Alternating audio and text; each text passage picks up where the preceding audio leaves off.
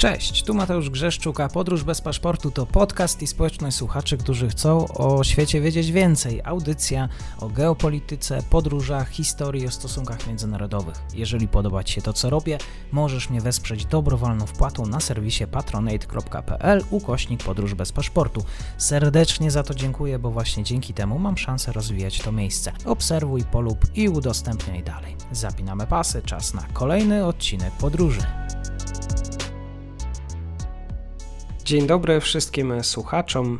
Dzisiaj, na początku tego odcinka, pragnę serdecznie podziękować panu Sebastianowi Strojwąsowi za to, że jest moim nowym patronem w ramach serwisu Patronate. Serdecznie dziękuję za to, że wspierasz ten podcast. A dzisiaj mam wielką przyjemność gościć, zresztą po raz kolejny, pana profesora Filipa Kubiaczyka, historyka, hispanistę, profesora Instytutu Kultury Europejskiej Uniwersytetu Adama Mickiewicza w Poznaniu. Mamy pretekst, jest to książka. Książka Historia, manipulacja i trauma, przypadek Katalonii, która właśnie wyszła spod pióra pana profesora. Dzień dobry, dziękuję za przyjęcie zaproszenia. Dzień dobry Panie Mateuszu, witam wszystkich słuchaczy i to ja dziękuję również za ponowne zaproszenie do podcastu Podróż bez paszportu. Dzisiaj będziemy rozmawiać o Katalonii. Przyznam, że jestem w trakcie lektury książki, do której link zamieszczę w opisie. Zachęcam też wszystkich tych, którzy interesują się, żeby po książkę sięgnąć. Może pytanie na rozgrzewkę, być może trudne. Kiedy niedawno wszyscy obserwowaliśmy Katalonię, ten zryw Katalończyków, walkę o ich niepodległość, to miałem wrażenie, że bardziej wierzymy Barcelonie niż Madrytowi. Skąd w ogóle wynika ta sympatia Polaków do Katalończyków? To jest bardzo ciekawe pytanie e, i rzeczywiście trudne. Ja się zgodzę z tym, że w Polsce jest zauważalna sympatia do Katalończyków i do, do Katalonii generalnie. Gdybym miał szukać e, powodów takiego zachowania, no to myślę, że składa się na to szereg czynników. Zacząłbym od tego, że generalnie e, sami Katalończycy są nazywani przez Hiszpanów Los Polacos, tak? czyli Polacy. I to już generuje taki pewien rodzaj sympatii.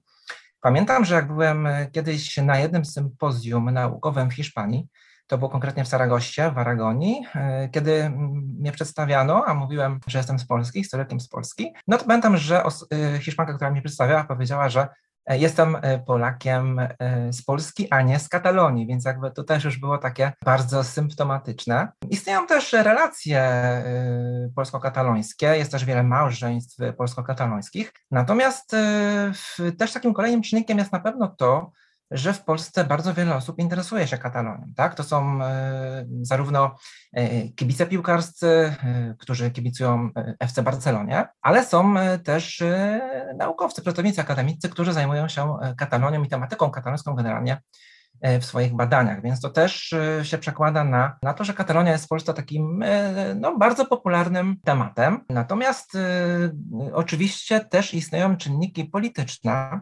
które wpływają na to, że gdzieś w Polsce, wydaje mi się, jest taka e, duża nić sympatii dla katalońskich aspiracji niepodległościowych, która niekoniecznie zawsze jest poparta powiedziałbym, e, takim rzeczywistym jakby obrazem całej sytuacji. Myślę, że to też wynika z naszej historii, z trudnej historii e, Polski e, i gdzieś my Polacy się też lubimy identyfikować z ludami, z narodami, generalnie z regionami, które próbują walczyć o tak zwane swoje racje i w tym przypadku właśnie przekaz, który płynie z Katalonii z, i płynął w czasie tego konfliktu niepodległościowego, oczywiście lansowanym przez właśnie zwolenników niepodległości Katalonii, on w pewien sposób też w taki naturalny, bym powiedział, sposób zachęcał Polaków do tego, żeby tę Katalonię wspierać, tak? Więc jakby e, tutaj bym widział też e, właśnie taką, taką też nić, nić porozumienia, które wynika być może właśnie z jakichś doświadczeń z przeszłości, z historii. To takie, takie najważniejsze, bym powiedział, wydaje mi się tak na gorąco czynniki, które wpływają właśnie na taki stan rzeczy. Ja muszę powiedzieć, że kiedy jestem w Katalonii, a bywam bardzo często w Katalonii, głównie w Barcelonie, no to w, kiedy Katalończycy dowiadują się, że jestem Polakiem, bardzo ciepło na mnie reagują reagują. Więc jakby, jak, jakże my Polacy jesteśmy odbierani bardzo, bardzo dobrze w Katalonii i rzeczywiście no, tak, tak jest. I To też się przekłada na to, że tak naprawdę w Polsce, to powiem od siebie, chyba jest o wiele łatwiej być osobą, która w pewien sposób broni Katalonii, broni katalońskich aspiracji niepodległościowych i generalnie mówi o Katalonie w, w takim aspekcie wyłącznie pozytywnym, niż być osobą krytyczną, która stara się na bazie chociażby źródeł historycznych, czy generalnie e, takiej rzetelnej analizy naukowej, wskazywać na pewne jednak niedociągnięcia oczekiwań i aspiracji części Katalończyków. Pisze pan profesor w swojej książce, że Kwestia obwiniania Kastylii jako synonimu Hiszpanii za niepowodzenia, które spotkały Katalonię, może zostać odwrócona na niekorzyść tej ostatniej. Przyznam, że podczas całej dyskusji na temat niepodległości, kiedy też obserwowałem polskie media, no to Hiszpania była traktowana jako źródło tych wszystkich niepowodzeń katalończyków, problemów katalończyków, tego w jaki sposób o sobie myślą. Katalończycy też zbudowali przez ostatnie lata taką narrację, że no są tymi wykorzystywanymi, tymi, na których się żeruje. Tutaj bym wyróżnił kilka ważnych aspektów.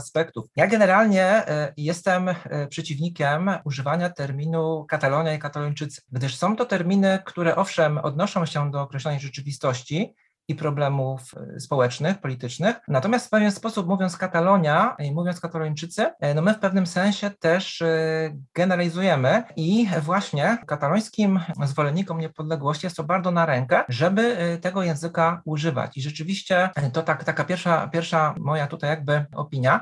Natomiast rzeczywiście to jest też pytanie, dlaczego taki obraz właśnie, że to za wszelkie zło, za wszelkie krzywdy, które spotkały Katalonię, odpowiada Hiszpania, Dlaczego jest to obraz dominujący w przekazach medialnych, również tych, które docierały do Polski i docierają? Otóż generalnie wynika to z tego, że rządzący Katalonią, e, głównie, ale nie tylko, jak, jakby to powiedzieć, e, no, tworzą w duchu właśnie nacjonalistycznym, oni ustalają reguły tego przekazu. I tak naprawdę bardzo często mm, ten przekaz, który trafia poza Katalonię, już nie chodzi mi tylko o Hiszpanię, ale, ale właśnie poza Hiszpanię, poza Półwysep Iberyjski, no to jest taki przekaz właśnie e, oparty na, na konkretnym jednym e, przekazie nacjonalistycznym. Tak? To też oczywiście zależy od tego, jakie media przekazują informacje o tym, tak? bo oczywiście część mediów E, na przykład czy, czy, czy, czy w Polsce, czy w innych krajach, czy w Niemczech na przykład może, może być mediami, czy akurat kanałem telewi- medialnym, telewizyjnym, radiowym, który, który będzie właśnie e, bardziej sprzyjał tej opcji prorządowej, prohiszpańskiej, promadryckiej, a inne kanały tak będą e, no, bardziej sprzyjały tej opcji prokatalońskiej. To też właśnie tutaj jest potem zróżnicowane w tym, w tym przekazie. Ja staram się być wyczulony właśnie na, na tego typu kwestie staram się zawsze oglądać te przekazy, nawet jak jestem w Polsce, kiedy pojawiają się jakieś informacje o Katalonii, chociaż nie jest zbyt, ich zbyt dużo, zwłaszcza wtedy, kiedy się nic nie dzieje w Katalonii, staramy się być właśnie wyczulony i gdzieś tam, prawda, wyłapywać te różnego rodzaju smaczki, również też językowe, które są w tych przekazach bardzo widoczne. I muszę powiedzieć, że e, kiedy w Katalonii działy się te rzeczy związane właśnie z katalońskim referendum niepodległościowym z 2017 roku, e, no to też w przekazach w telewizji polskiej, które się e, pojawiały w różnych kanałach, zdecydowanie według mnie dominowała taka perspektywa, która polegała na tym, że zapraszano gości do studia, którzy tak naprawdę mieli zupełnie e, przeciwstawne opinie i tak naprawdę to też e, w ogóle na Hiszpanię, na Katalonię, na, e, na jakby miejsca Katalonii w Hiszpanii i to też wpływało, prawda, na, na analizę tego, co, co działo się w Katalonii, więc jakby to jest, to jest na pewno bardzo, bardzo istotne, kto jakby nadaje ten komunikat, kto ten komunikat jakby później powiela, prawda, w danym kraju, no i na czym on jest oparty, na jakich właśnie na jakich przesłankach konkretnych, bo nie, ukrywa, no nie ukrywajmy, że sytuacja w Katalonii y, już od, od y, przynajmniej 2010 roku jest bardzo napięta i, i, musimy zakładać, tak, że te przekazy, które docierają do nas z Katalonii, no one zawsze są y, uwikłane w politykę. Tak? Zawsze mhm. mogą być bardzo prokatalońskie albo mogą być właśnie prohiszpańskie, promadryckie. A gdybyśmy mieli wskazać na jakieś takie konkretne daty, wydarzenia, na które sami katalończycy się powołują, e, walcząc właśnie w, w kontekście swojej tożsamości? Mhm. No, to jest bardzo, bardzo rozległe pytanie. Zależy też, jak, jak definiujemy tożsamość katalońską, bo tutaj z jednej strony tożsamość katalońska oczywiście e, jest wynikiem konkretnej e, wizji przeszłości, konkretnej wizji historii, która jest katalończykom przekazywana tak, na poziomie szkoły średniej, na poziomie studiów uniwersyteckich, w książkach, w podręcznikach. Więc jakby y, ta tożsamość, y, mm, ona y, często jest przedstawiana w taki sposób, że jest tożsamością zranioną, opartą na krzywdzie, opartą na na takim przekonaniu, że właśnie za wszelkie zło, tak jak już powiedziałem, tak, Katalonia odpowiada Kastylia, Hiszpania. Z drugiej strony, jeśli mówimy o sytuacji bardziej współczesnej, no to i, i samym tym prawda, procesie niepodległościowym, no to tutaj ewidentnie widać, że kiedy w 2006 roku Katalończycy prawda, umieścili w swoim statucie autonomii Katalonii, a, raczej osoby, które prawda, odpowiadały za, za, powstawanie, za powstanie tego statutu, zapis w preambule o tym, że Katalonia jest narodem, który został e, później e, prawda, zanegowany przez e, Trybunał Konstytucyjny w Hiszpanii. I w ogóle statut został uznany, czy bardzo wiele miejsc zostało uznanych prawda, zapisów za niekonstytucyjne w 2010 roku, no to jakby tutaj bym widział taki początek, że od tego 2010 roku aż do właśnie tej kulminacji, która miała miejsce w 2017 roku, czyli do procesu niepodległościowego i, i, i późniejszego ogłoszenia tak, przez Parlament Katalońskiej Republiki, no rzeczywiście tutaj już od 2010 roku była, była to konkretna jazda, jasna jakby droga właśnie Katalonii pod rządami określonych konkretnych ludzi, polityków w kierunku, e, w kierunku e, oderwania się od Hiszpanii, niepodległości, niezależności, różnie to jest nazywane. Natomiast tutaj e, właśnie w kontekście tożsamości, o które mnie Pan zapytał, jest fundamentalne pytanie, z czego to wynikało, tak? I kto tak naprawdę za tym procesem stał? Czy to, że doszło właśnie do tego referendum niepodległościowego w 2017 roku, pytanie e, jest takie właśnie, czy, według mnie, czy doszło do tego z woli jakby mm, katalończyków, tak, z woli społeczeństwa katalońskiego, przynajmniej większości tego społeczeństwa. I to oni jakby pchnęli rządzących Katalonią, oni pchnęli polityków do tego, żeby, żeby do tego re referendum doprowadzić, tak, niejako powierzając ich, im swoje tożsamościowe rozterki, tak, że, że otóż oni e, czują się katalończykami, a nie Hiszpanami i chcą, prawda, doprowadzić do, do secesji, do oderwania się od, od Hiszpanii, czy było zupełnie odwrotnie, prawda, że to y, politycy katalońscy wykorzystali właśnie swoje jakieś, prawda, konkretne tutaj oczekiwania i wizje i plany związane z Katalonią, do tego, żeby przekonać społeczeństwo katalońskie, że tak naprawdę właśnie to jest to, czego potrzebują katalończycy, tak? To jest to, czego właśnie potrzebuje ta tożsamość katalońska, która jest tożsamością e, zranioną, tak? W tym oficjalnym e, dyskursie narodowym katalońskim. Więc jakby tu jest, wydaje mi się, że odpowiedź, odpowiedź na to pytanie jest fundamentalna. Myślę, że odpowiedź na to jest na pewno złożona, nie ma takiej jednoznacznej odpowiedzi, chociaż ja bym się jednak skłaniał ku temu, że zarówno część społeczeństwa katalońskiego e, rzeczywiście rzeczywiście chciała na bazie swojego przekonania tożsamościowego, że, że oni czują się e, inni, odrębni od, od, od Hiszpanii, od Hiszpanów, i jakby rzeczywiście dążyli w kierunku właśnie niepodległości, niezależności, ale też myślę, że dużą rolę odegrali e, politycy, którzy rzeczywiście no, chcieli do tego doprowadzić i Wydaje mi się, że to jest taka moja prywatna opinia, że mimo wszystko był to bardziej e, proces, proces polityczny dokonany na katalońskim społeczeństwie niż rzeczywiście wynikało to z dążenia katalońskiego społeczeństwa, przynajmniej, prawda, jeśli chodzi o, o procenty, to mówimy o, o, jakby większościowej liczbie katalończyków, która by do tego dążyła, bo to, to jest tak, że mm, nie wszyscy katalończycy są antyhiszpańscy, ale też, co bym chciał podkreślić, nie wszyscy Hiszpanie są antykatalońscy. Ja muszę powiedzieć, że spotkałem wielu katalończyków, którzy nie chcą wcale e, niepodległości i spotkałem też wielu Hiszpanów, którzy bardzo się wypowiadali dobrze o Katalonii, twierdzili właśnie, że katalończycy mają swoją e, odmienną tożsamość, mają, prawda, te wszystkie czynniki, które przesądzają o ich odmienności, więc jakby to, to, to nie jest takie. Na przykład są też muszę powiedzieć, e, Hiszpanie, którzy uważają, że okej, okay, Katalonia rzeczywiście ma tą swoją odmienność opartą głównie właśnie na tożsamości i, i powinna być, prawda, niezależnym, niepodległym państwem. Są też tacy Hiszpanie, którzy uważają, że to jest niemożliwe, dlatego że tak naprawdę utrata Katalonii byłaby utratą no, czegoś bardzo ważnego, tak, bardzo ważnej części Hiszpanii, to jest takie, takie wyrwanie serca dla Hiszpanii. I odwrotnie, są też Katalończycy, którzy właśnie y, chcą zachowania sytuacji, która jest teraz, albo polepszenia tej sytuacji, ale w ramach właśnie obowiązującego porządku e, prawnego, ale są też tacy oczywiście, którzy chcą po prostu niezależnej Katalonii. Pytanie, czy oni jej chcą sami z siebie, bo właśnie tak czują się tożsamościowo, czy właśnie ci, którzy zaprojektowali polityce, prawda, ten projekt, czy oni ich do tego nie przekonali? No to jest pytanie naprawdę uważam kluczowe w tej sprawie.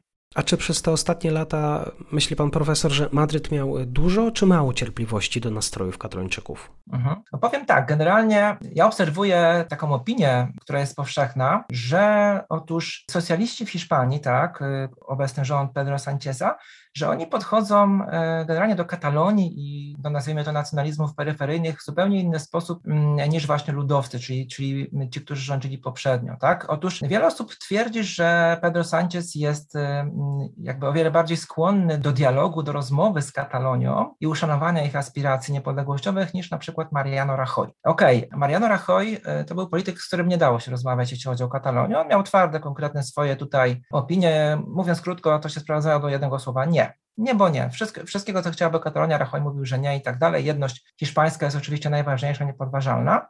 Pedro Sanchez jest z kolei oczywiście politykiem z innej opcji i on jest też bardziej dyplomatyczny. To jest, to jest polityk, który potrafi w taki sposób mówić, w taki sposób rozmawiać też na przykład z Katalończykami, e, że oni e, rzeczywiście widzą w nim zupełnie inną postać, która być może rokuje, że ten Madryt wreszcie okaże może właśnie więcej zrozumienia, więcej cierpliwości do tej Katalonii, tak wyciągnie do niej rękę. Natomiast według mnie Pedro Sanchez po prostu gra wszystkim na nosie, tak? Okej, okay, E, jego rząd e, nie tak dawno prawda, zgodził się na ułaskawienie części katalońskich polityków, którzy doprowadzili do, do tego referendum niepodległościowego, ale co jest symptomatyczne, nie wszyscy katalończycy zobaczyli w tym e, prawda, jakiś taki taki gest, który miałby pokazać, że otóż coś się zmieni. Świadczyło to chociażby o tym, że w ten sam, ten sam dzień, kiedy, kiedy dochodziło do tego ułaskawienia, E, no to zwolennicy e, niepodległości Katalonii spalili hiszpańską flagę i powiedzieli, że ich to nie interesuje, tak, że oni chcą po prostu niezależnej republiki, a takie gesty ich nie interesują. Więc jakby ja uważam, że mimo, że istnieje w tym hiszpańskim dyskursie